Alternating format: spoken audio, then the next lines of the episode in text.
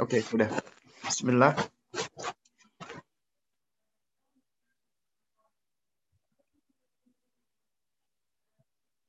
إن الحمد لله نحمده ونستعينه ونستغفره ونتوب إليه ونعوذ بالله من شرور أنفسنا ومن سيئات أعمالنا من يهده الله فهو المهتد ومن يضلل فلن تجد له وليا مرشدا أشهد أن لا إله إلا الله وحده لا شريك له وأشهد أن محمدا عبده ورسوله. لا نبي بعده أما بعد. آه. فإن أصدق الكلام كلام الله وخير الهدي هدي محمد صلى الله عليه وعلى آله وسلم. وشر الأمور محدثاتها وكل محدثة بدعة وكل بدعة ضلالة وكل ضلالة في النار. أما بعد. Uh, para bunda dan para ayah yang dimuliakan Allah Subhanahu wa taala. Kita bersyukur kepada Allah Azza wa Jalla yang mana hari ini kita diizinkan dan diperkenankan oleh Allah Subhanahu wa taala untuk dapat uh, bersua kembali melanjutkan kajian kita yaitu kajian yang masih membahas risalah ya yang berjudul Anak-anak pun wajib tahu yang ditulis oleh Syekh Yazan Al Ghanim ya. Dan di sore hari ini kita sudah masuk di pertemuan eh, pertanyaan ke-19 ya. Kita sudah masuk di pertanyaan yang ke-19. Dan kita insya Allah di sini akan uh, belajar tentang ya mengenal sejumlah sahabat Nabi dan apa urgensinya. Apa urgensinya kita mengetahui tentang sahabat-sahabat Nabi ridwanullah alaihim ajmain. Dan ini juga perkara yang wajib diketahui oleh setiap orang tua sebelum mengajarkannya kepada anak-anak. Karena apabila orang tua tidak tahu dan tidak begitu ngerti tentang urgensi untuk mendidik anak-anak tentang sahabat Nabi Ridwanullah alaihi majma'in, maka tentunya ya para orang tua tidak akan bisa mengajarkan hal ini karena fakir Ya karena orang yang tidak orang yang tidak memiliki sejatinya dia tidak bisa memberi. Baik. Ya. Uh, qala al-muallifu hafizahullah, penulis Syekh Yazan Al-Ghanim hafizahullah taala berkata di pertanyaan ke-19. Ya, ini kita ajarkan kepada anak-anak kita. Nah, siapa yang dimaksud dengan sahabat dan perlukah aku mencintai mereka? Perlukah Abi dan Umi mencintai mereka? Dan perlukah kamu mencintai mereka?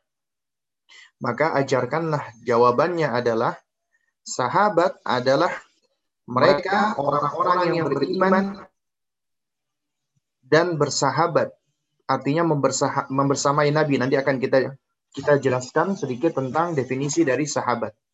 Mereka adalah orang-orang yang beriman yang bersahabat dengan Nabi Shallallahu Alaihi Wasallam. Lalu kemudian wafat di atasnya.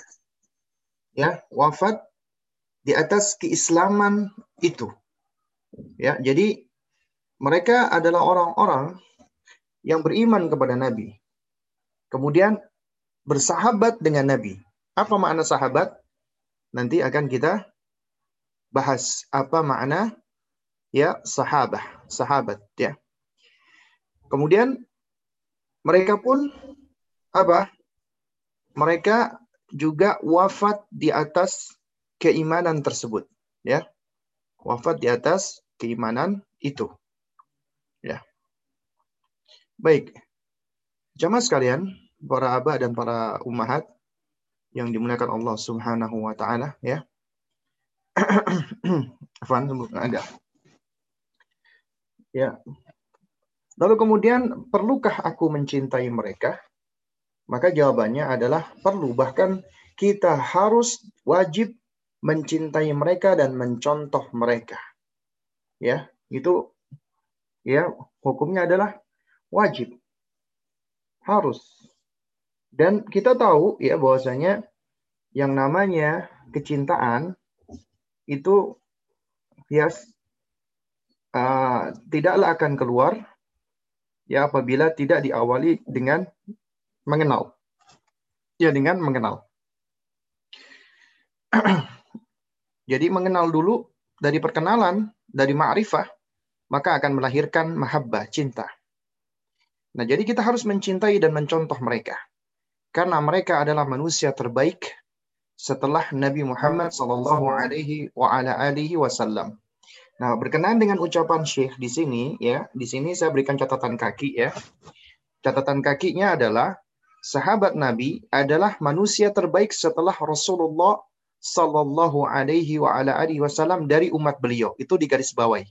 Dari umat beliau. Ya.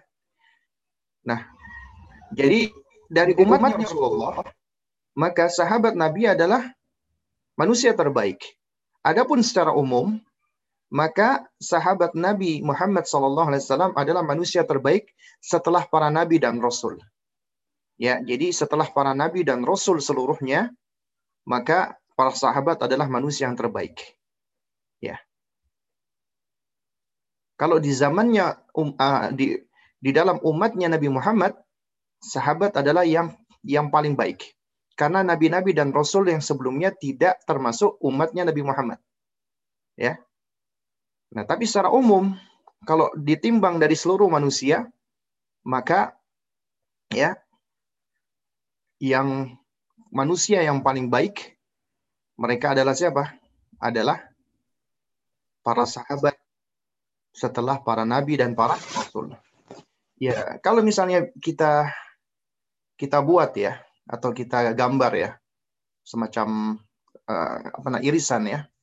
Misalnya kita gambar sini ya. Ini manusia, ya ini manusia. Nah, di dalam manusia ini ada golongan mukmin, orang-orang yang beriman. Ya, jadi yang di dalam lingkaran ini adalah orang-orang beriman. Nah, di di luar lingkaran dari yang di dalam ini, ini ini adalah orang-orang kafir ya. Dan ini adalah lingkaran manusia. Artinya orang mukmin itu adalah orang-orang yang terpilih di antara manusia. Karena di luar dari lingkaran ini adalah orang-orang kafir. Dan ini adalah orang-orang beriman. Orang-orang beriman tentu lebih baik daripada orang-orang kafir. Lalu kemudian dari orang-orang beriman ini, yang paling baik dari orang-orang beriman adalah orang-orang saleh. Ya, ini adalah orang-orang soleh. Ya. Nah, yang paling baik dari orang-orang soleh ini adalah siapa? Adalah para nabi dan rasul. Eh, adalah para ambia. Ya, ini adalah para ambia. Lalu kemudian dari para ambia, para nabi ini ada lagi yang paling yang apa yang lebih baik adalah para siapa? Rasul. Para rasul. Kemudian dari para rasul ini yang paling baik adalah ulul azmi. Lima. Lima orang ulul azmi. Ya, siapa saja ulul azmi tersebut? Tidak lain tidak bukan adalah Nabi siapa? Hah? Siapa yang yang yang ingat atau yang tahu ulul azmi?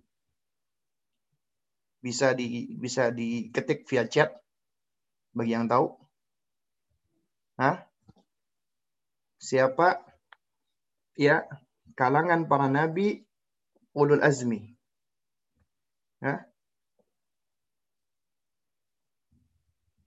Ada yang ini? Coba saya lihat di chat. Nah, cuman tiga disebut ya. Ya.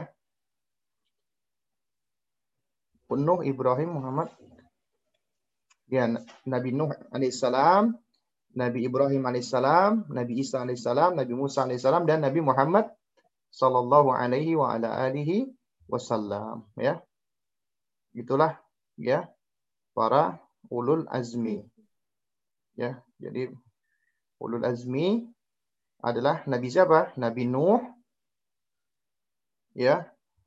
Lalu kemudian Nabi Ibrahim alaihissalam. Ya. Kemudian siapa lagi? Hah? Nabi Musa alaihissalam, kemudian Nabi Isa alaihissalam, kemudian Nabi Muhammad alaihissalam. Ya. Uh, kalau ditanya apa dalilnya? Dalilnya adalah surat Al-Ahzab ayat ke-7. Ya, surat Al-Ahzab ayat ke-7 itu dalilnya. Coba ya, saya coba share ayatnya ya supaya kita bisa menelaah ayatnya ya. Surat Al-Ahzab ayat 7. Al-Ahzab ayat 7. Coba kita lihat. Nah, ini dia. Ya. Coba saya stop share. Saya screen share notepad ya. Supaya lebih kelihatan lagi.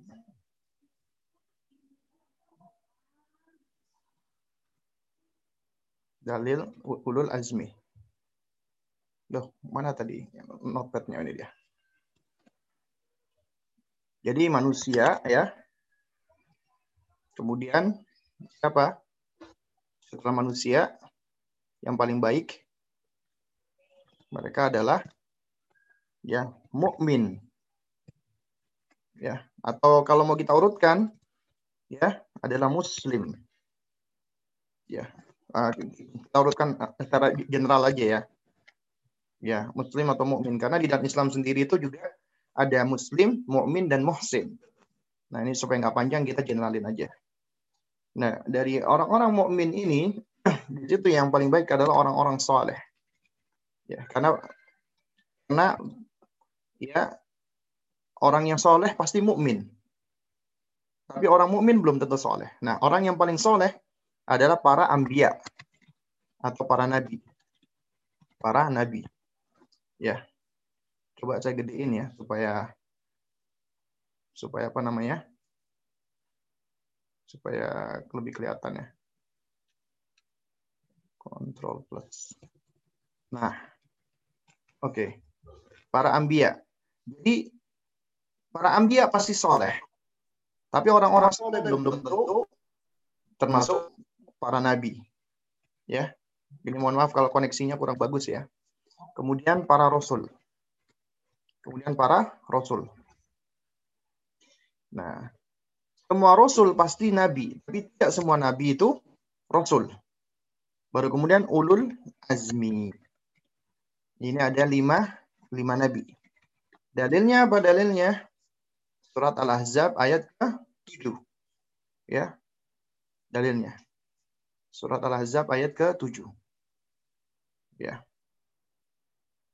Nah, coba saya kopaskan ayatnya supaya kita bisa menelaahnya. Ini dia. Nah, ya Allah Subhanahu wa taala berfirman, "Wa id akhadna minan nabiyyina mitsaqahum wa minka dan ingatlah. Ya biasa kata wa'id ini dimaknai dengan dan ingatlah. Kayak misalnya wa'id qala Luqmanu li ya libnihi dan ingatlah ketika Luqman berkata ya wa'id dan ingatlah. Akhadna. Ketika kami mengambil minan nabiyyin dari para nabi mitsaqahum yaitu janji-janji mereka. Kami mengambil perjanjian dari para nabi. Wa minka dan darimu yaitu dari Nabi Muhammad. Ya disebutkan ya. Wa minka. Ka sini kembali ke siapa? Ke Nabi Muhammad. Wa min nuhin dan dari Nabi Nuh alaihissalam. Dan dan siapa? Wa Ibrahim dan dari Nabi Ibrahim alaihissalam. Wa Musa dan dari Nabi Musa wa Isa dan dari Nabi Isa alaihissalam ya wa Isa ibni Maryam ya Isa ibnu Maryam ya. Wa akhadna minhum mitsaqan ya. Dan kami mengambil dari mereka perjanjian yang kuat perjanjian yang apa namanya teguh ya. Yaitu janji yang dipikul oleh para para ulul azmi tersebut ya yang mana ini adalah uh, di antaranya mereka akan menghadapi ujian-ujian yang yang berat dari Allah Subhanahu wa taala. Jadi ulul azmi lima nabi. Baru kemudian dari ulul azmi ini yang paling baik, yang paling utama adalah nabi kita. Nabi Muhammad sallallahu alaihi wasallam, ya. Nah, ini adalah siapa? Adalah nabi yang paling mulia, yang paling utama, manusia yang paling mulia, yang paling utama. Ini kalau kita lihat dari dari uh, golongan manusia. Oke. Kita balik lagi ke uh, ibu tadi, ke beliau tadi. Ya. Nah, jadi sahabat Nabi adalah manusia yang terbaik setelah Rasulullah. Nah, jadi kalau kita letakkan, ya mohon maaf ya, uh, saya share lagi tadi yang yang mana? Ini tadi ya. Nah, kita share di sini ya. Ya.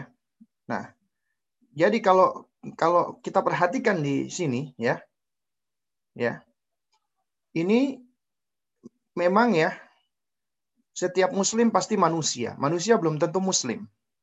Setiap setiap orang soleh pasti muslim, tapi belum tentu muslim itu soleh. Setiap nabi pasti soleh, tapi belum tentu setiap nabi itu, eh, setiap orang soleh itu nabi. Setiap rasul pasti nabi, belum tentu setiap nabi adalah rasul. Nah, ternyata dari orang-orang soleh ini ada manusia yang paling baik. Manusia yang paling baik setelah para nabi, para rasul, dan ulul azmi. Yaitu siapa? Sahabat nabi. Ya. Ya, kenapa sahabat Nabi kok nggak saya letakkan di bawah sini? Karena nanti di apa khawatir nanti akan terjadi kerancuan. Kenapa? Karena nanti dianggap setiap setiap setiap nabi pasti sahabat padahal tidak ya. Nah oleh karena itu makanya dari orang-orang soleh yang paling mulia adalah sahabat nabi. Artinya setiap sahabat pasti orang soleh. Tapi tapi orang soleh belum tentu sahabat nabi. Ini ini manusia yang paling mulia. Dan oleh karena itu wajib bagi kita untuk mengenal ya setidaknya sahabat-sahabat nabi ya yang seharusnya di, diketahui atau dikenal oleh oleh kita ya. Di antaranya siapa ini disebutkan oleh Syekh. Sahabat Nabi yang paling yang paling mulia adalah adalah para khalifah yang empat yang disebut dengan siapa? Al Khulafa Ar-Rashidun Al-Mahdiyun. Nanti akan kita sebutkan kenapa disebut dengan Al-Khulafa Ar-Rashidun Al-Mahdiyun. Ya. Sahabat Nabi yang paling mulia adalah para khalifah yang empat. Ini ijma sesuai dengan kesepakatan ulama. Ijma, ijma berarti dalil. Ya, kesepakatan itu dalil. Ya, dalil yang ketiga setelah Quran dan Sunnah. Dan apalagi ini disokong dengan dalil Quran dan Sunnah. Oleh karena itu, dari keempat para khalifah yang lurus ini, yang mendapat petunjuk, yang pertama adalah siapa? Abu Bakar radhiyallahu taala anhu semoga Allah meridhoi beliau.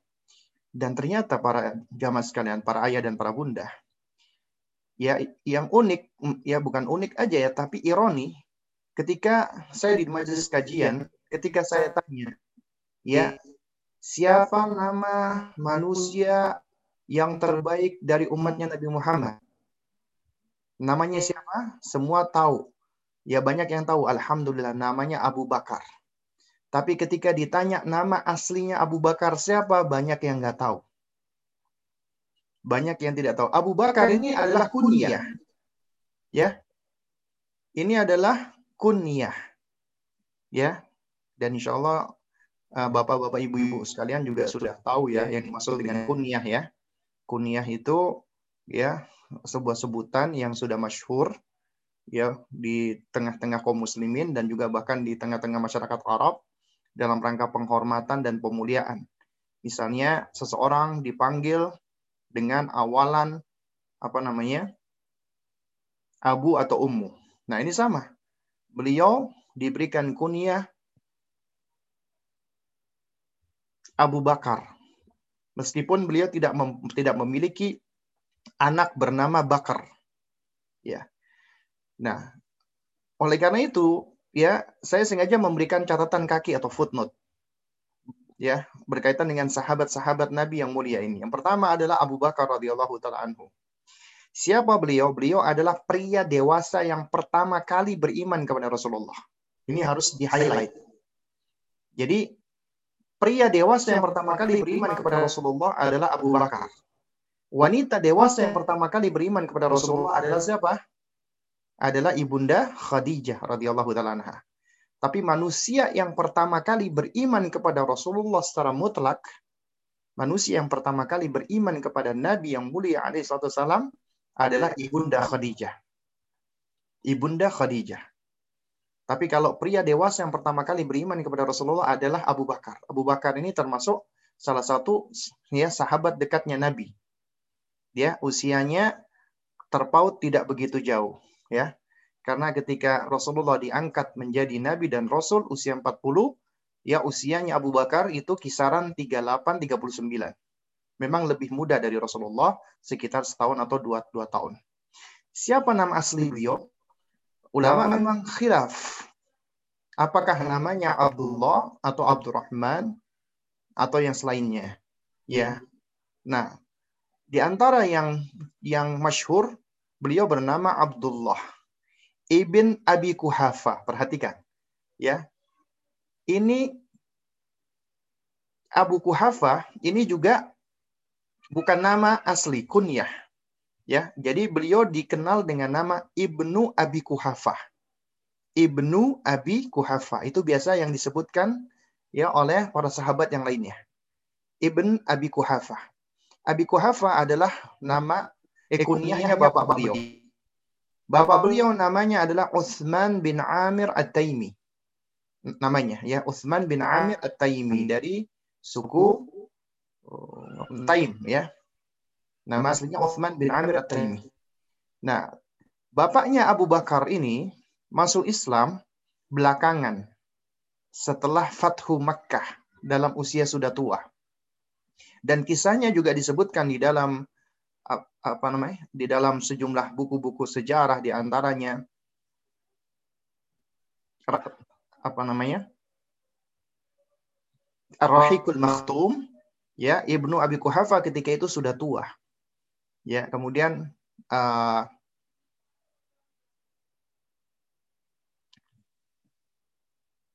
Abu Bakar radhiyallahu taala ya mengajak beliau untuk menjumpai Rasulullah dan bermaksud untuk mendakwai. Dan dan dan apa namanya? Dan ketika itu itu Abu Bakar radhiyallahu taala ya sempat minta kepada Nabi untuk mendoakan agar ayahnya masuk Islam dan juga untuk mendakwai dan alhamdulillah akhirnya ayahnya masuk Islam. Adapun umiknya, ibunya Ibnu Abi Kuhafa atau umiknya Abu Bakar radhiyallahu taala anhu ya itu namanya Salma bintu Sakhar. Ya. Uminya namanya Salma bintu Sakhar, lebih dikenal kunyahnya dengan nama Ummu Khair. Ummu Khair itu ya adalah apa? Adalah adalah ibundanya, ya. Nah, beliau termasuk generasi awal yang masuk Islam dan turut belajar di rumah Al-Arqam. Nah, sahabat Abu Bakar radhiyallahu taala beliau dikenal dengan nama As-Siddiq ya. Abu Bakar As-Siddiq itu sebutan beliau ya. Nah, nama As-Siddiq ini karena ya sebagaimana namanya yaitu As-Siddiq orang yang paling dipercaya. Ya. Orang yang paling percaya kepada Rasulullah dan paling dipercaya oleh Rasulullah. Karena beliau adalah orang yang paling percaya kepada Nabi dan orang yang paling pertama kali membenarkan tentang semua apa yang Nabi khabarkan, termasuk kisah Isra Mi'raj. Dan saat itu ya jamaah sekalian, para ayah dan para bunda, Rasulullah Shallallahu Alaihi Wasallam ya di tahun ke-10 setelah nubuah ya tahun ke-10 setelah diangkat menjadi nabi usianya kurang lebih 50 tahun itu adalah tahun yang paling sulit dan paling berat dialami oleh Rasulullah kenapa istrinya yang beliau sayangi yang selalu ada ketika beliau sedih beliau butuh kawan curhat ya yang selalu membantu menolong beliau meninggal dunia. Kemudian kakeknya meninggal dunia. Pamannya yang juga sering membela beliau meskipun wafatnya dalam keadaan musyrik Abu Talib juga wafat. Kemudian kaum muslimin mengalami gangguan yang luar biasa dari musyrikin Quraisy. Mulai dari apa Sumayyah yang ditusuk ya dari mohon maaf apa kemaluannya sampai sampai tembus ya hingga menjadi wanita syahidah pertama kali ya dan keluarga Yasir disiksa. Kemudian uh, sahabat-sahabat yang lain juga disiksa habis-habisan. Ya artinya ketika itu ya apa orang-orang Islam dalam dalam kondisi yang diuji. Allah Subhanahu wa taala ya mengisra mi'rajkan Rasulullah ini sebagai tasliyah, sebagai hiburan untuk beliau. Hiburan dan sekaligus ujian ya bagi orang-orang yang mengimani Nabi SAW. Karena kita tahu di zaman Rasulullah itu belum ada pesawat, belum ada jet. Dan Nabi dalam satu malam beliau mengaku ya pergi ke Masjidil Aqsa. Naik kendaraan buruk. Buruk ini uh, sebagaimana disifatkan oleh Nabi adalah sejenis hewan tunggangan. Ya. Jadi beli uh, buruk ini dia lebih gede dari himar tapi lebih kecil dari apa apa natu bigol dari bigol dan sekali melangkah itu langsung jaraknya adalah uh, apa namanya jaraknya jauhnya adalah apa satu ufuk ya satu ufuk itu satu pandangan mata. Jadi sekali melangkah itu jaraknya langsung satu pandangan mata. Ya. Dan ini menunjukkan betapa cepatnya buruk. Dan dan ini buruk itu adalah hewan tunggangan. Dan tidak diberitakan buruk itu punya sayap. Jadi kalau ada yang menggambarkan buruk itu punya sayap, maka itu tidak ada dalil. Dan ketika Nabi diisrakan sampai ke ke apa namanya ke Masjidil Aqsa ya ke ke apa itu Baitul Maqdis ya. Maka beliau ketika turun dari buruk hewan tunggangan ini beliau ikat. Jadi ini menunjukkan itu adalah seperti hewan tunggangan yang lainnya. Tapi itu spesial buat Nabi. Kemudian Nabi bertemu dengan para nabi dan rasul. Dan Nabi mengimami mereka. Kemudian Nabi dimi'rajkan oleh Allah Azza wa Jalla bersama dengan uh, disertai oleh malaikat Jibril alaihissalam hingga ke langit ketujuh Sidratul Muntaha. Lalu kemudian Nabi berjumpa atau bersua dengan Allah. Dan para dan memang ya ulama khilaf berbeda pendapat apakah Rasulullah berhasil melihat Allah atau tidak. Namun wallahu a'lam bishawab ya uh, sesuai dengan riwayat dari apa namanya Ibunda Aisyah radhiyallahu taala anha bahwa Nabi tidak mampu melihat Allah. Tapi Nabi berjumpa langsung dengan Allah. Dan kata Ibunda Aisyah yang mengkhabarkan dari suaminya Rasulullah bahwasanya ketika itu ada cahaya yang sangat sangat sangat menyilaukan sehingga Nabi tidak mampu melihat Allah. Rasulullah tidak mampu. Kemudian Nabi mendapatkan perintah dari Allah Azza wa Jalla secara eksklusif salat ketika Mi'raj itu. Nah, singkat cerita, ya, ketika Nabi pulang, kemudian berita ini sampai ke orang-orang musyrikin Quraisy, mereka malah mengejek-ngejek Nabi. Ya, dikatakan orang gila dan yang semisalnya. Dan yang pertama kali membenarkan beliau adalah sahabat siapa? Abu Bakar radhiyallahu taala anhu. Karena itu makanya di antara konsekuensi syahadat Muhammad Rasulullah, kita yang menyaksikan tidak ada nabi dan rasul ya kecuali Nabi Muhammad SAW maka konsekuensinya adalah apa? Adalah tasdikuhu ma'akhbar. Kita membenarkan semua apa yang Nabi sampaikan. Dan ini kita mencontoh Sayyidina siapa? Abu Bakar ibn Abi Kuhafah ya radhiyallahu taala anhuma ya Karena beliau yang pertama kali membenarkan kejadian Isra dan Mi'raj. Ya. Nah, oleh karena itu makanya Nabi menyebut dia sebagai As-Siddiq. Nabi paling percaya dengan Abu Bakar. Sehingga Abu Bakar ini adalah menjadi orang yang paling dekat dengan Rasulullah SAW. Beliau beliau pun ketika Rasulullah wafat, maka beliau yang menjadi khalifah pertama dan Sayyidina Abu Bakar wafat di usia 61 tahun dan dimakamkan di sampingnya Nabi Shallallahu Alaihi Wasallam. Itu sekilas tentang Sayyidina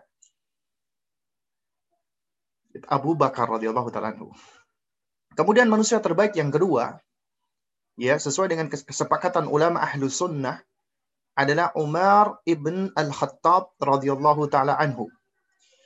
Nah, Umar ibn Khattab radhiyallahu taala anhu memang bukan termasuk di antara para sahabat yang masuk Islam pertama kali. Ya. Dan Islamnya Umar ini ini adalah merupakan jawaban doanya Rasulullah Shallallahu Alaihi Wasallam ketika Rasulullah berdoa meminta kepada Allah untuk mengislamkan salah satu di antara dua orang. Siapa? Pertama Amr bin Hisham alias Abu Jahal. Atau yang kedua Umar ibn ibn Al-Khattab. Akhirnya Allah Subhanahu wa taala Allah yang Maha Alim, yang Maha mengetahui, Allah pilih Umar ibn Khattab. Ya. Dan beliau adalah termasuk sosok yang paling pemberani. Ya. Yang mana keislamannya menjadi sebab jaya dan kemenangan Islam.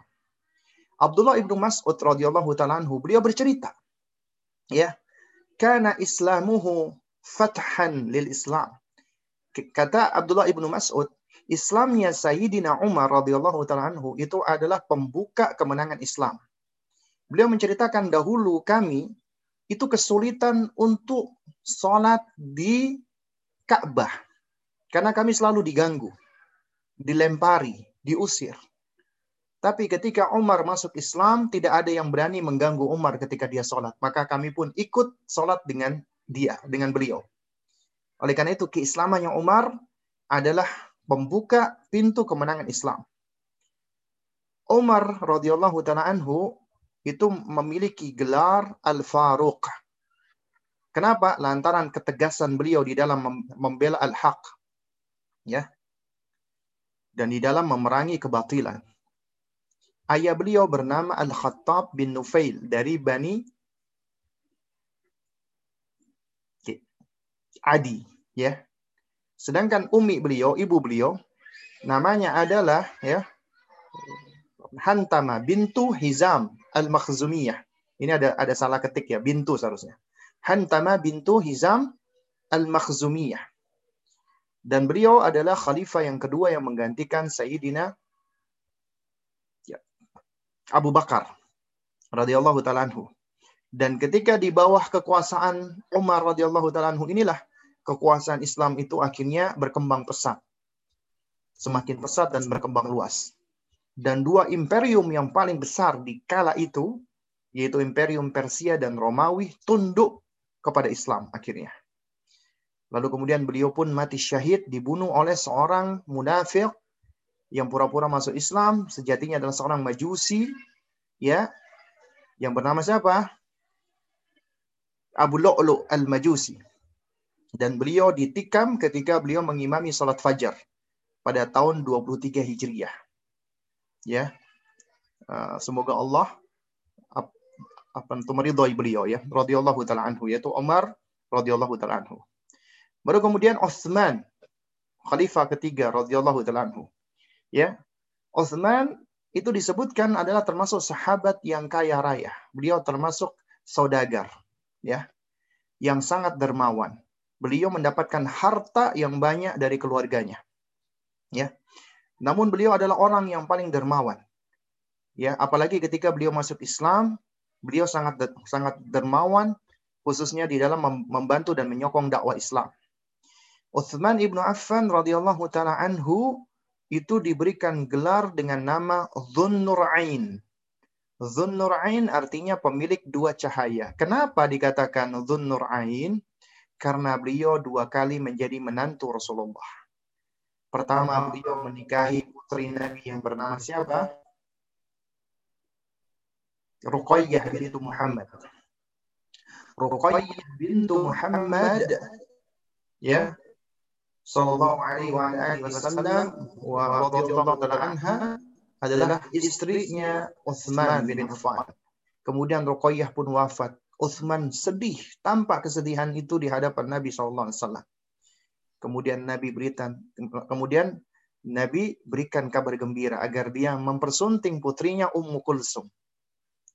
Oleh karena itu, sahabat yang mempersunting dua putri Nabi adalah Utsman ibn Affan radhiyallahu taala anhu. Utsman bin Affan lahir dari pasangan saudagar yang kaya raya. Ayah beliau bernama Affan ibn Abil As dari Bani Abdi Syams. Ya, tapi abinya atau ayahnya ini wafat ketika Utsman masih anak-anak. Dan dia orang yang kaya, dia meninggalkan harta yang berlimpah. Ya, adapun ibunya bernama Arwa bintu Quraisy yang ikut hijrah karena turut masuk Islam. Dan Uthman ibn Affan menjadi khalifah ketiga, tapi usianya beliau ketika itu sudah tua dan beliau hanya memimpin kurang lebih ya sekitar dua tahun. Lalu kemudian ketika itu muncul fitnah, gejolak-gejolak fitnah, khususnya ketika munculnya kelompok-kelompok bid'ah, ya mulai dari Syiah, Khawarij dan yang semisalnya. Akhirnya beliau pun meninggal ya syahid dibunuh oleh oleh para pemberontak saat itu. Ya. Itu tentang Utsman radhiyallahu taala anhu. Baru kemudian ya khalifah yang keempat dari al-khulafa ar-rasyidun al-mahdiyun adalah Ali bin Abi Talib radhiyallahu taala anhu. Ya. Nah, Sayyidina Ali radhiyallahu taala anhu ya itu ketika masih kecil dititipkan oleh pamannya Abu Talib kepada Rasulullah dan istrinya Khadijah. Karena Abu Talib ketika itu miskin sekali. Jadi sejumlah anak-anak beliau seperti Ja'far itu dititipkan ke ya ke keluarga yang yang lain. Ya. Jadi beliau titipkan ke, ke keluarga yang lain. Nah, di antaranya Sayyidina Ali radhiyallahu taala anhu dititipkan ke Rasulullah. Jadi Ali ini ya seakan-akan seperti menjadi anak asuhnya Rasulullah yang diasuh oleh Nabi dan diasuh oleh ibunda Khadijah radhiyallahu taala anhu ya. Nah, jadi para ayah dan para bunda yang menggunakan Allah. Kalau berbicara tentang ya apa namanya pemuda anak kecil yang pertama kali masuk Islam adalah siapa? Adalah Ali radhiyallahu taala anhu karena disebutkan dia masuk Islam ketika usianya masih 10 tahun. Ya. Dan beliau adalah termasuk sepupunya Nabi karena putra dari pamannya Nabi yang bernama Abu Talib. Ya. Dan dan beliau juga sekaligus menantu, menantu Rasulullah karena menikahi putri Nabi yang Nabi kasih dan Nabi cintai bernama Fatimah radhiyallahu taala anha. Dan Fatimah ini kata Ibunda Aisyah radhiyallahu taala anha, beliau mengatakan ya, ma ashbaha kalaman ya aku belum pernah melihat ya ma apa itu ya aku belum pernah melihat orang yang paling mirip ngomongnya termasuk jalannya dengan Rasulullah melebihi daripada Fatimah bintu Muhammad ya Fatimah bintu Muhammad dan Nabi pun juga memuji putri beliau ini dikatakan termasuk dari salah satu apa Sayyidatu nisa'i ahli jannah. Termasuk salah satu penghulunya atau pembesarnya wanita-wanita ahli surga. Ya. Karena kata Nabi sallallahu alaihi wasallam apa namanya? Sayyidatu nisa'i ahli jannah arba'ah. Ya, penghulu atau pembesarnya wanita-wanita ahli surga ada empat. Disebutkan pertama adalah ya adalah Maryam bintu Imran, ibundanya Isa alaihissalam. Yang kedua adalah siapa? Ya, yang kedua adalah Asia bintu Muzahim. Yang ketiga adalah Khadijah bintu Khawailid, istri Nabi. Yang keempat adalah Fatimah bintu Muhammad bin Abdullah radhiyallahu taala anha wa sallallahu alaihi wa ala alihi wasallam. Ya. Nah, para ayah dan para bunda, ya ayahnya Ali bin eh, Ali itu adalah Abu Talib pamannya Nabi, sedangkan ibunya bernama Fatimah bintu Asad. Lahirnya Ali itu sangat membahagiakan Nabi dan Khadijah. Ya. Sehingga keduanya turut merawat Ali hingga usia remaja. Ketika Rasulullah SAW menerima wahyu, ya, maka Ali radhiyallahu taala anhu adalah manusia kedua yang mengimani kenabian Nabi Muhammad SAW setelah ibundanya Khadijah. Ini memang ulama ahli sejarah khilaf. Apakah manusia kedua yang mengimani Nabi itu apa namanya sahabat itu Abu Bakar ataukah Ali? Ya, ini memang ulama khilaf. Namun ya kalau kita perhatikan ya uh, seperti Syekh Sofi Rahman Al Mubarak Furi ya kalau saya tidak salah ingat beliau yang menguatkan bahasanya Sayyidina Ali radhiyallahu taala adalah manusia kedua yang mengimani ya tentang nubuatnya Nabi Muhammad SAW karena beliau tinggal di di rumahnya Rasulullah. Jadi beliau yang membenarkan tentang nubuatnya Rasulullah. Jadi orang-orang di rumahnya Rasulullah dahulu lah yang yang yang mengimani dan membenarkan. Baru kemudian ya apa namanya sahabat yaitu Abu Bakar ya yang apa baru kemudian yang masuk Islam. Jadi beliau termasuk manusia ketiga. Tapi ya para ulama sepakat wanita pertama yang beriman Khadijah. Apa namanya? Pria pria pertama yang beriman kepada Rasulullah adalah Abu Bakar. Adapun anak-anak yang pertama kali mengimani Rasulullah adalah Ali, ya. Nah, Ali radhiyallahu taala anhu menikah dengan putri kesayangan Nabi yang bernama Fatimah dan memiliki lima anak. Siapa? Hasan, Hussein, Zainab, Ummu Kulsum yang disebut dengan Zainab Sughra atau Zainab kecil dan Muhsin yang wafat ketika baru dilahirkan, ya. Dan Sayyidina Ali radhiyallahu taala anhu Beliau menjadi khalifah yang keempat dan wafat dibunuh oleh seorang khawarij yang bernama Abdurrahman bin Muljam. Abdurrahman bin Muljam dahulunya adalah seorang yang saleh. Seorang qurra, penghafal Quran. Dipuji oleh sahabat-sahabat Nabi yang lainnya. Bahkan diberikan rekomendasi oleh sahabat siapa? Apa namanya? Umar radhiyallahu taala anhu. Namun ya di tengah kehidupannya dia ketika tertarik dengan seorang wanita yang cantik, wanita tersebut adalah putri dari seorang dedengkotnya Khawarij. Kemudian dia pun terkena syubhatnya. Dia terkena syubhatnya Khawarij dan fitnahnya Khawarij adalah apa? Fitnahnya Khawarij adalah bid'ahnya mereka melakukan perbuatan kerusakan yang besar tapi mereka menganggap mereka melakukan perbaikan mereka melakukan perbuatan baik. Karena yang Abdurrahman bin Muljam ketika membunuh Sayyidina Ali radhiyallahu taala anhu, ya, dia menganggap itu bagian dari jihad di jalan Allah. Dia mengatakan apa? Dia mengatakan ya ketika membunuh Sayyidina Ali, inil hukmu illa lillah. Sesungguhnya hukum adalah adalah milik Allah. Bayangkan ketika membunuh sahabat Ali, menantunya Rasulullah, sepupunya Rasulullah, termasuk ahli baitnya Rasulullah, dia menganggap itu bagian dari jihad. Kenapa? Karena dia menganggap Sayyidina Ali itu telah kafir. Wal billah. Itulah jeleknya dan buruknya khawarij. Dan sangat berbahaya sekali syubhatnya orang-orang khawarij. Karena itu kita harus harus apa? Harus ngerti tentang hal ini dan supaya kita bisa membentengi diri agar kita nggak mudah tertipu dengan casing, ya, casing-casing dengan orang-orang yang menampakkan kesolehan, banyaknya hafalan Quran, tapi belum tentu akidahnya benar, belum tentu akidahnya lurus. Ya, oleh karena itu makanya kita harus harus berhati-hati. Baik. Uh, jangan sekalian ya para ayah dan para bunda yang dimuliakan Allah ya. Di sini ya uh, saya akan uh, sedikit meng apa namanya itu elaborate sedikit ya tentang sahabat ya definisi dari sahabat ya supaya kita tahu ya. Jadi kita bicara tentang sahabat Nabi ya. Nah, Kata sahabat ya kan itu dari kata sahabah. Ya, dari kata sahabah. Ya.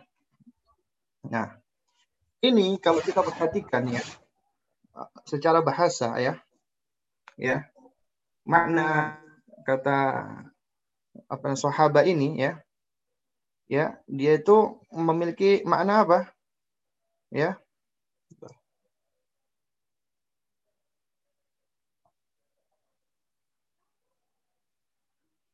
Ya. Jadi dia dia memiliki kata apa? Kalau dikatakan sahabahu artinya rafaqahu rafaqahu ya. Atau apa apa namanya? Lazimahu. La, lazimahu ya. Nah jadi jadi apa maksudnya? Maksudnya adalah ya kata sahaba itu artinya adalah orang yang menemani dan membersamai ya. Jadi loh afan. Ya.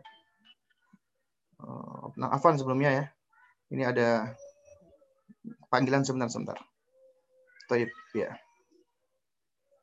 Nah, jadi kata sahabat Nabi apa secara bahasa artinya adalah sahabah ya dari kata rafaqa lazimah artinya ya menemani membersamai. Ini maknanya secara bahasa. Ya, membersamai. Baik. Uh, sekalian ya, para ayah dan bunda yang dimuliakan Allah Subhanahu wa taala. Ya, kalau ditanya ya apa namanya? Kalau gitu apa namanya? Uh, definisi atau atau makna secara istilah ya dari kata sahabat ya itu bagaimana dijelaskan oleh para ulama ya dengan definisi yang dengan definisi yang apa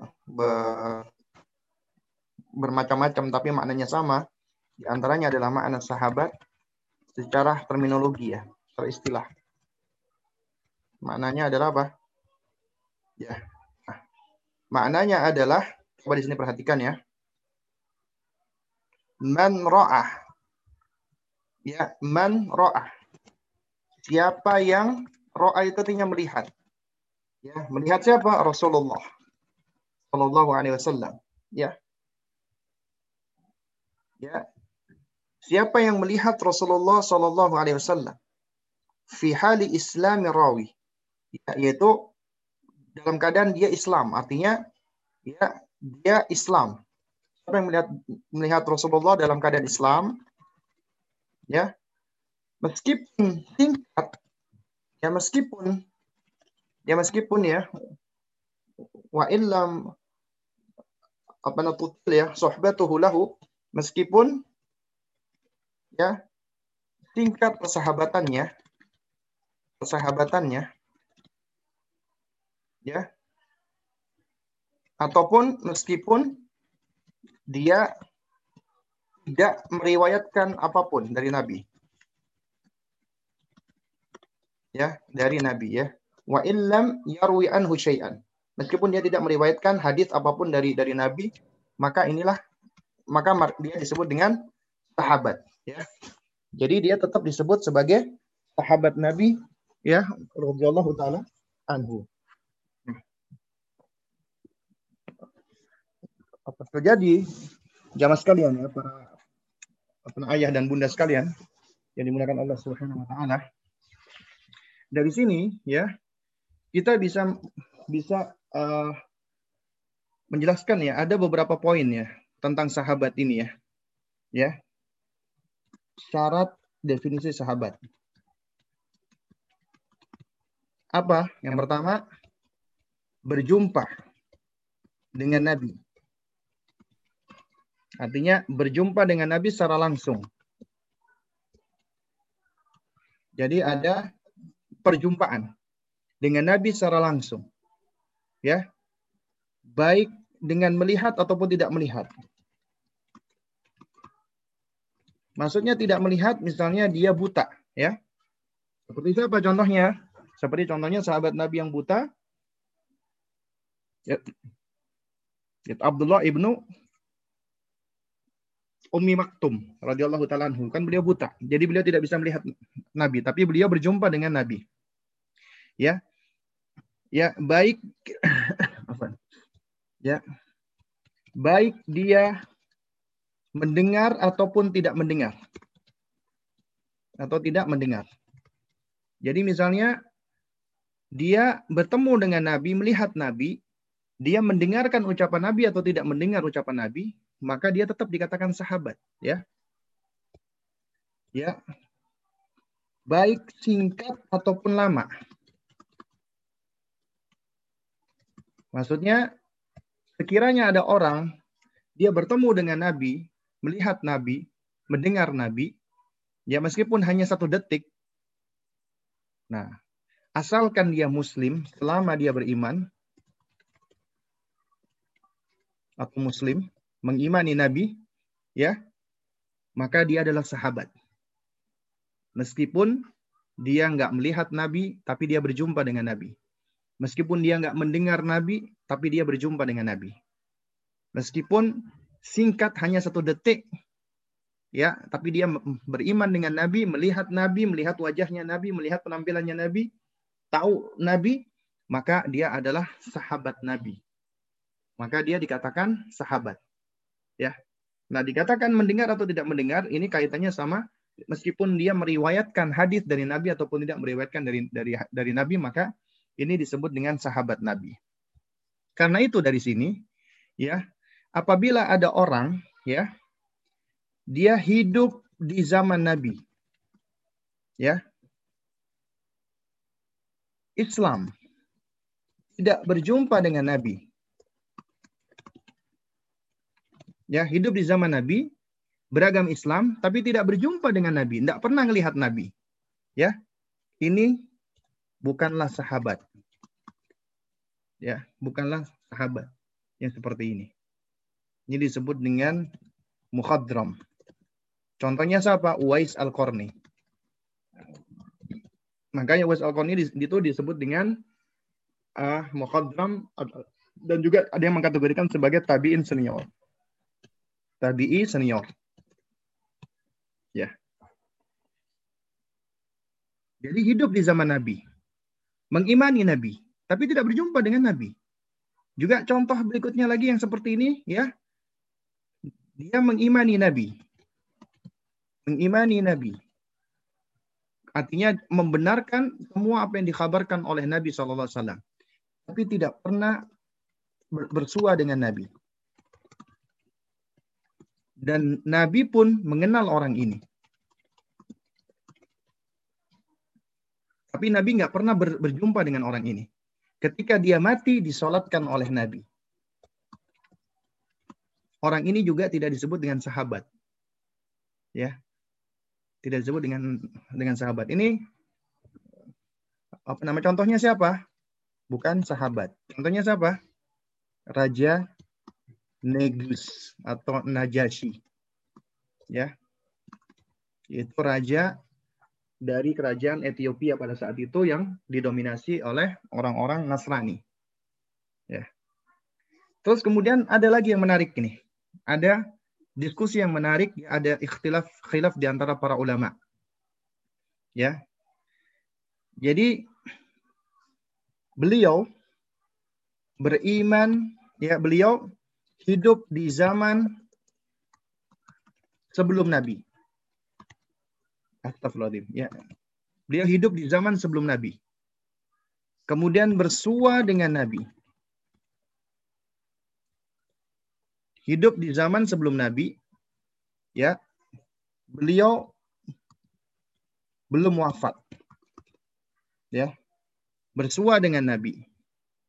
Ya dan beliau sendiri adalah nabi.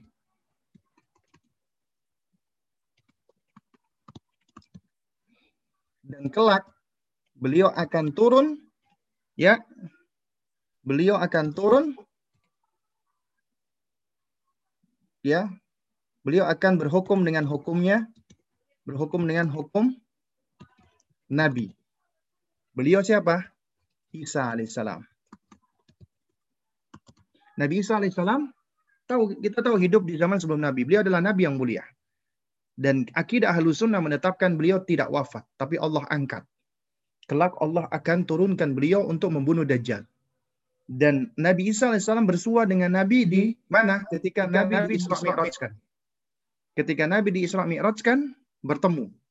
Nah, kalau lihat definisinya kan, definisi di atas, siapa yang melihat Rasulullah, dia mengimaninya, ya, maka dia adalah sahabat Nabi. Karena itu sebagian ulama ya menganggap Nabi Isa ini termasuk sahabat.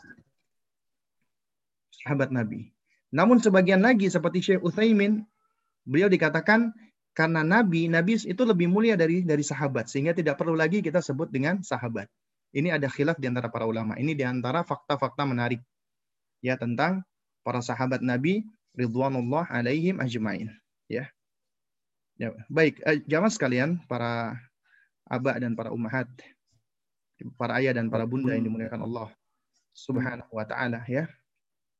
Yang perlu kita pahami bersama adalah ahlu sunnah menetapkan bahwasanya ya kullu sahabah seluruh sahabat itu udul adil ya inda ahli sunnah wal jamaah. Menurut ahli sunnah wal jamaah. Artinya tidak ada sahabat yang dikatakan sebagai sahabat yang fasik. Sahabat yang yang apa? Yang yang dikatakan ahli maksiat tidak ada. Mungkin memang ada sahabat secara individu melakukan kesalahan, tapi secara umum mereka semua apabila meriwayatkan hadis diterima.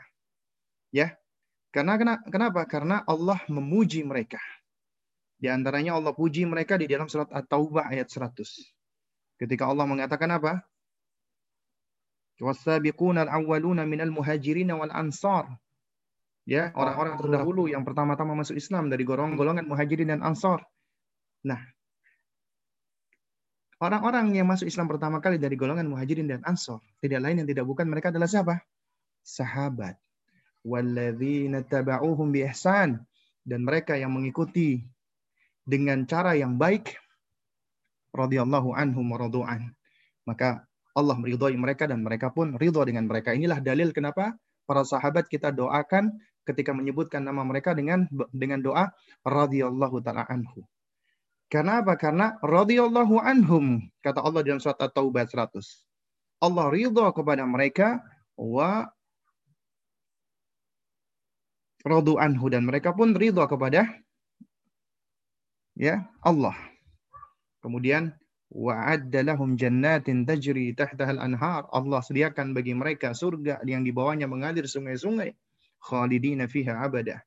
Dan mereka kekal di dalamnya untuk selama-lamanya. Dzadikal fawzul azim. Itulah kemenangan yang besar. Surat At-Taubah ini mengajarkan kepada kita bahwa ya para sahabat mereka adalah orang-orang yang Allah puji. Allah ridhoi dan mereka ridho dengan Allah. Dan kita tahu sedangkan kita beribadah mencari ridhonya Allah. Dan Allah memuji mereka, meridhoi mereka. Sehingga ketika Allah memuji mereka, kita wajib memuliakan mereka. Kita wajib memuji mereka. Nggak boleh menghina mereka. Nggak boleh kita ya mencerca salah seorang dari mereka. Karena Allah sudah janjikan surga bagi mereka. Dan surga adalah kemenangan yang besar. Mereka sudah terbukti mendapatkan fauzul azim, kemenangan yang besar.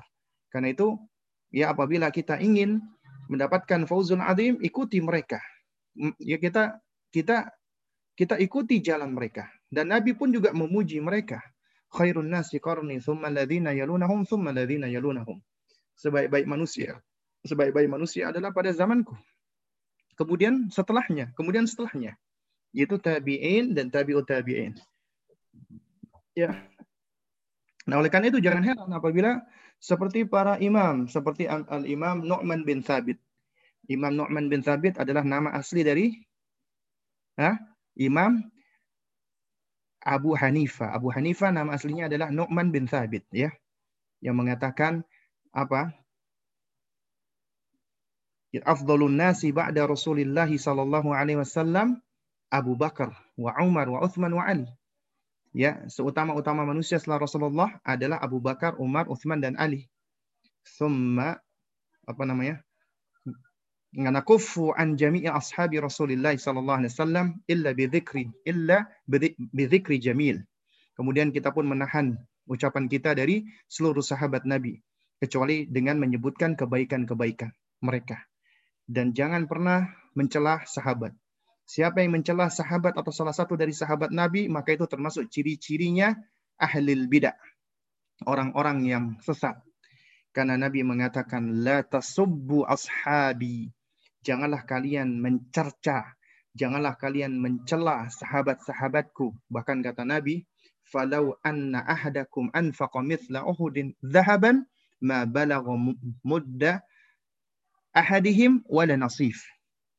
Kalau seandainya ada di antara kalian yang berinfak dengan emas sebanyak gunung Uhud, setinggi sebesar gunung Uhud, gak akan bisa menyamai dengan pahala infak kayak para sahabat Nabi, meskipun itu hanya satu genggam mereka. Satu genggam mereka infaknya mereka dengan infak kita satu gunung emas itu lebih baik mereka. Nggak bisa nyamai bahkan separuhnya juga nggak bisa nyamai. Jadi eh, separuh dari mood ya.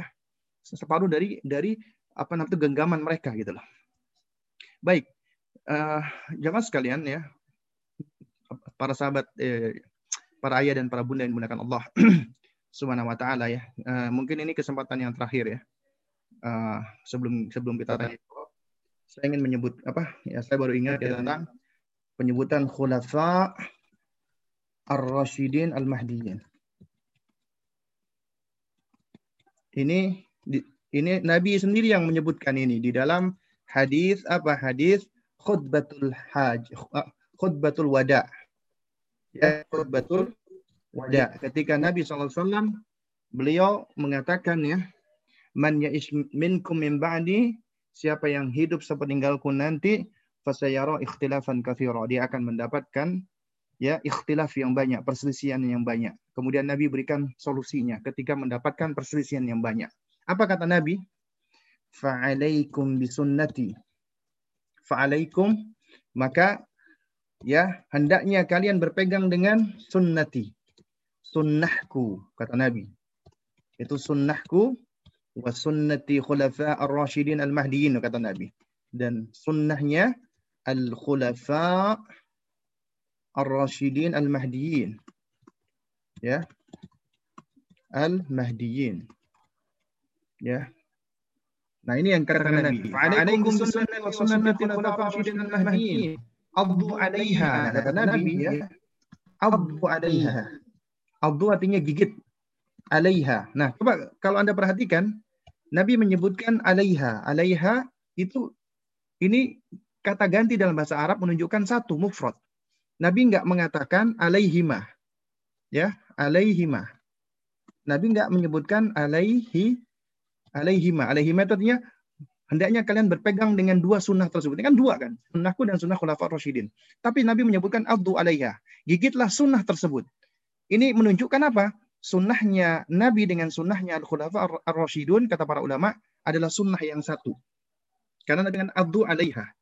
Ya, bin nawajid dengan gigi gerahamu. Gigit dengan gigi gerahamu sunnah tersebut. Ya. Baru kemudian wa iyyakum. Nah, ini kalimat larangan Nabi. Ini kalimat perintah Nabi. Ini kalimat larangan. Hendaknya kalian hati-hati atau jauhilah. Ya. Apa yang dijauhi? Wa muhdatsatil umur muhdatsat al-umur, yaitu perkara yang diada-adakan di dalam agama. Kemudian kata Nabi, fa inna kulla muhdatsatin bid'ah. Karena setiap perkara yang diada-adakan dalam agama itu bid'ah dan wa kulla bid'atin dhalalah, setiap bid'ah itu sesat, dhalalah dan setiap sesat itu nar neraka. Itu kata Nabi. Ini solusinya ketika menghadapi adanya perbedaan pendapat. Fa'alaikum bisunnati. Adanya apa namanya perpecahan. Pegang dengan sunnahnya Nabi dan sunnahnya para al-khulafa ar-rasyidun al-mahdiyun. Kenapa dikatakan ar-rasyidun al-mahdiyun? Dikatakan oleh para, para ulama, kata rasyid itu maknanya adalah apa? Man arfal haqqa, maknanya adalah orang yang kenal apa kebenaran ya. Kemudian dia apa namanya? Orang yang tahu kebenaran dan dia mengikutinya. Itu makna rosid ya. Orang tahu kebenaran lalu mengikutinya. Mengikutinya artinya dia mengamalkannya. Tahu ilmunya diamalkan. Adapun lawan dari apa Rashid adalah apa? Orang yang ghawi. Orang yang ghawi itu maknanya apa? Arfal haqqa ya arfal haq ya. Di, apa tahu kebenaran tapi tapi apa tapi nggak mau ikut. Itu orang yang ghawi. Makanya ini mereka ini adalah orang-orang yang kata Allah Allah murkai al-maghdub alaihim. Nah al-maghdub alaihim. Kenapa? Tahu kebenaran nggak mau mengikuti punya ilmu nggak mau mengamalkan itu mereka jadi lawannya Rashid adalah Ghawi, al-maghdub alaihim. Ya, adapun al-Mahdi orang yang mendapatkan petunjuk ya. Ya. Jadi mereka ini adalah apa? Adalah orang-orang yang mendapatkan hidayah, mendapatkan petunjuk dari Allah Subhanahu wa taala apa? Untuk untuk apa? Untuk untuk mengamalkan apa kebenaran. Ya. Jadi orang yang dikatakan Mahdi kan mendapatkan hidayah. Mendapatkan hidayah. Ya, mendapatkan hidayah untuk apa? Mengamalkan ya kebenaran. Lawannya adalah apa? Lawannya adalah abal, orang yang sesat, orang yang tidak mendapatkan petunjuk. Jadi lawannya adalah orang yang yang apa? Yang beramal tanpa ilmu. Mereka adalah orang-orang Nasrani. Nah, dari sini kita tahu ternyata karakter ya ya Rashid Mahdi ya dikatakan al-khulafa ar-rasyidin al-mahdiyin ini adalah karakter yang yang disebutkan dalam surat Al-Fatihah adalah orang-orang yang mengikuti siratal mustaqim. Ihdinas siratal mustaqim. Jalan yang lurus yaitu apa? Jalannya orang-orang yang an'amta alaihim, orang yang Allah berikan nikmat. Siapa yang Allah yang yang Allah berikan nikmat? Yang paling besar mereka adalah para anbiya. Ya. Wasiddiqin. Wasyuhada. Wasalihin. Ya, itu. Mereka adalah orang-orang yang mendapatkan an'amta alaihim yang diberikan nikmat. Nah, jadi ini adalah jalan yang menghimpun antara apa ilmu dan amal. Nah, ini konsep mendasar. Ya, ini adalah konsep mendasar dan ini ditunjukkan oleh Rasulullah Shallallahu alaihi wasallam. Baik. Oke, ya. Uh, kita lanjutkan dengan tanya jawab ini sepertinya sudah ada yang masuk di chat ya. Ustadz, untuk anak perempuan usia 3 tahun, Apakah sudah boleh diceritakan kisah semua sahabat Nabi ataukah hanya sahabat perempuan saja? Baik. Di antara cara kita mendidik ya anak-anak kita, hendaknya kita pilih cerita-cerita yang sesuai dengan perkembangan usianya. Memang kita tentunya ajarkan mereka, kenalkan mereka dengan sosok-sosok orang-orang soleh. Ya, semakin banyak tentunya semakin baik. Tapi ya bukan artinya kita ya mengejar banyak-banyakan supaya dia tahu enggak. Namun hendaknya kita pilihkan dulu siapa kira-kira sosok yang ingin kita jelaskan, khususnya yang ada di Quran ataupun ya sosok-sosok dari istrinya para nabi, eh, apa istrinya nabi ataupun putri-putri beliau. Itu hendaknya lebih diprioritaskan. Lalu kemudian boleh diceritakan dengan yang lainnya. Ya. Nah, jadi intinya ya kita jangan kejar banyak-banyakan yang diceritakan, jangan. Tapi yang kita sampaikan adalah ya kita sampaikan dulu mana yang kira-kira yang akan ya apa yang paling berkesan buat anak kita sehingga anak kita ngefans dengannya. Senang dengannya. Ya. Misalnya contohnya ada seorang ibu ngasih anaknya nama Fatimah misalnya. Maka berikan kisah tentang Fatimah agar dia kenal ya tentang sosok Fatimah agar dia bangga dengan Fatimah. Uminya juga bangga, orang tuanya bangga karena memberikan nama anaknya Fatimah. Juga demikian, misalnya anaknya namanya apa namanya? Maryam misalnya, Maryam. Ya, maka kenalkan tentang sosok Maryam. Demikian pula misalnya dikasih nama dengan nama uh, apa namanya? Aisyah. Kalau misalnya Ustadz anak saya saya kasih nama nama-nama umum misalnya Dewi misalnya. Oke, misalnya dia dikasih nama Dewi, ya kita berikan sosok ya sosok yang lain lagi gitu loh. Sosok yang apa maksudnya sosok wanita yang mulia. Banyak yang bisa kita kita jadikan sebagai contoh agar anak-anak kita bisa ya ngefans dengan mereka. Jangan sampai anak malah anak-anak kita ngefans sama tokoh-tokoh yang aneh-aneh. Ya. Nah, jadi juga tidak mesti harus yang perempuan saja. Boleh juga disebutkan sosok-sosok yang laki-laki, khususnya tentang Nabi Muhammad Shallallahu Alaihi Wasallam. Oh, udah di forward ke WA ya. Apakah sama dengan uh, sahabiyah sama ya? Sama saja. Kalau dikatakan sahabat, maka itu umum untuk laki-laki ataupun perempuan. Jadi definisinya sama, ya. Oke, saya coba buka WA dulu ya. Ustadz, apa rahasia Rasulullah SAW bisa menghasilkan generasi terbaik selain tentunya karena tauhid? Ya kalau ingin mengetahui rahasianya, maka kita perlu mempelajari sejarahnya, ya. Dan itu banyak sekali pelajaran-pelajaran, faidah-faidah yang bisa kita petik gitu loh. Maksud anak, apa mungkin ada metode-metode yang digunakan yang bisa kita contoh? Pasti ada. Dan ada memang. Ya, Anak pernah dengar Rasulullah SAW punya majelis duha. Apakah bisa jadi pelajaran untuk kita agar mentalkan anak di waktu duha? Nabi SAW ya, kalau kita mempelajari bagaimana metode beliau mengajar, Nabi itu adalah sosok ya, yang beliau bisa mempergunakan segala bentuk munasabat segala bentuk momen. Artinya tidak tidak cuma mengkhususkan di waktu-waktu tertentu. Ya, beliau akan mempergunakan ketika ada munasabat, ketika sedang safar, ketika melihat bulan purnama, ya, ketika uh, Nabi misalnya apa namanya pulang dari safar, pulang dari jihad, beliau menghabiskan apa waktunya dengan keluarganya, dengan istrinya, lalu kemudian juga beliau ketika pulang dari masjid beliau disambut dengan anak-anak. Artinya setiap momen yang ada itu beliau gunakan di situ untuk untuk apa? Untuk untuk mendidik ya sahabat-sahabat beliau. Yang tua ataupun yang muda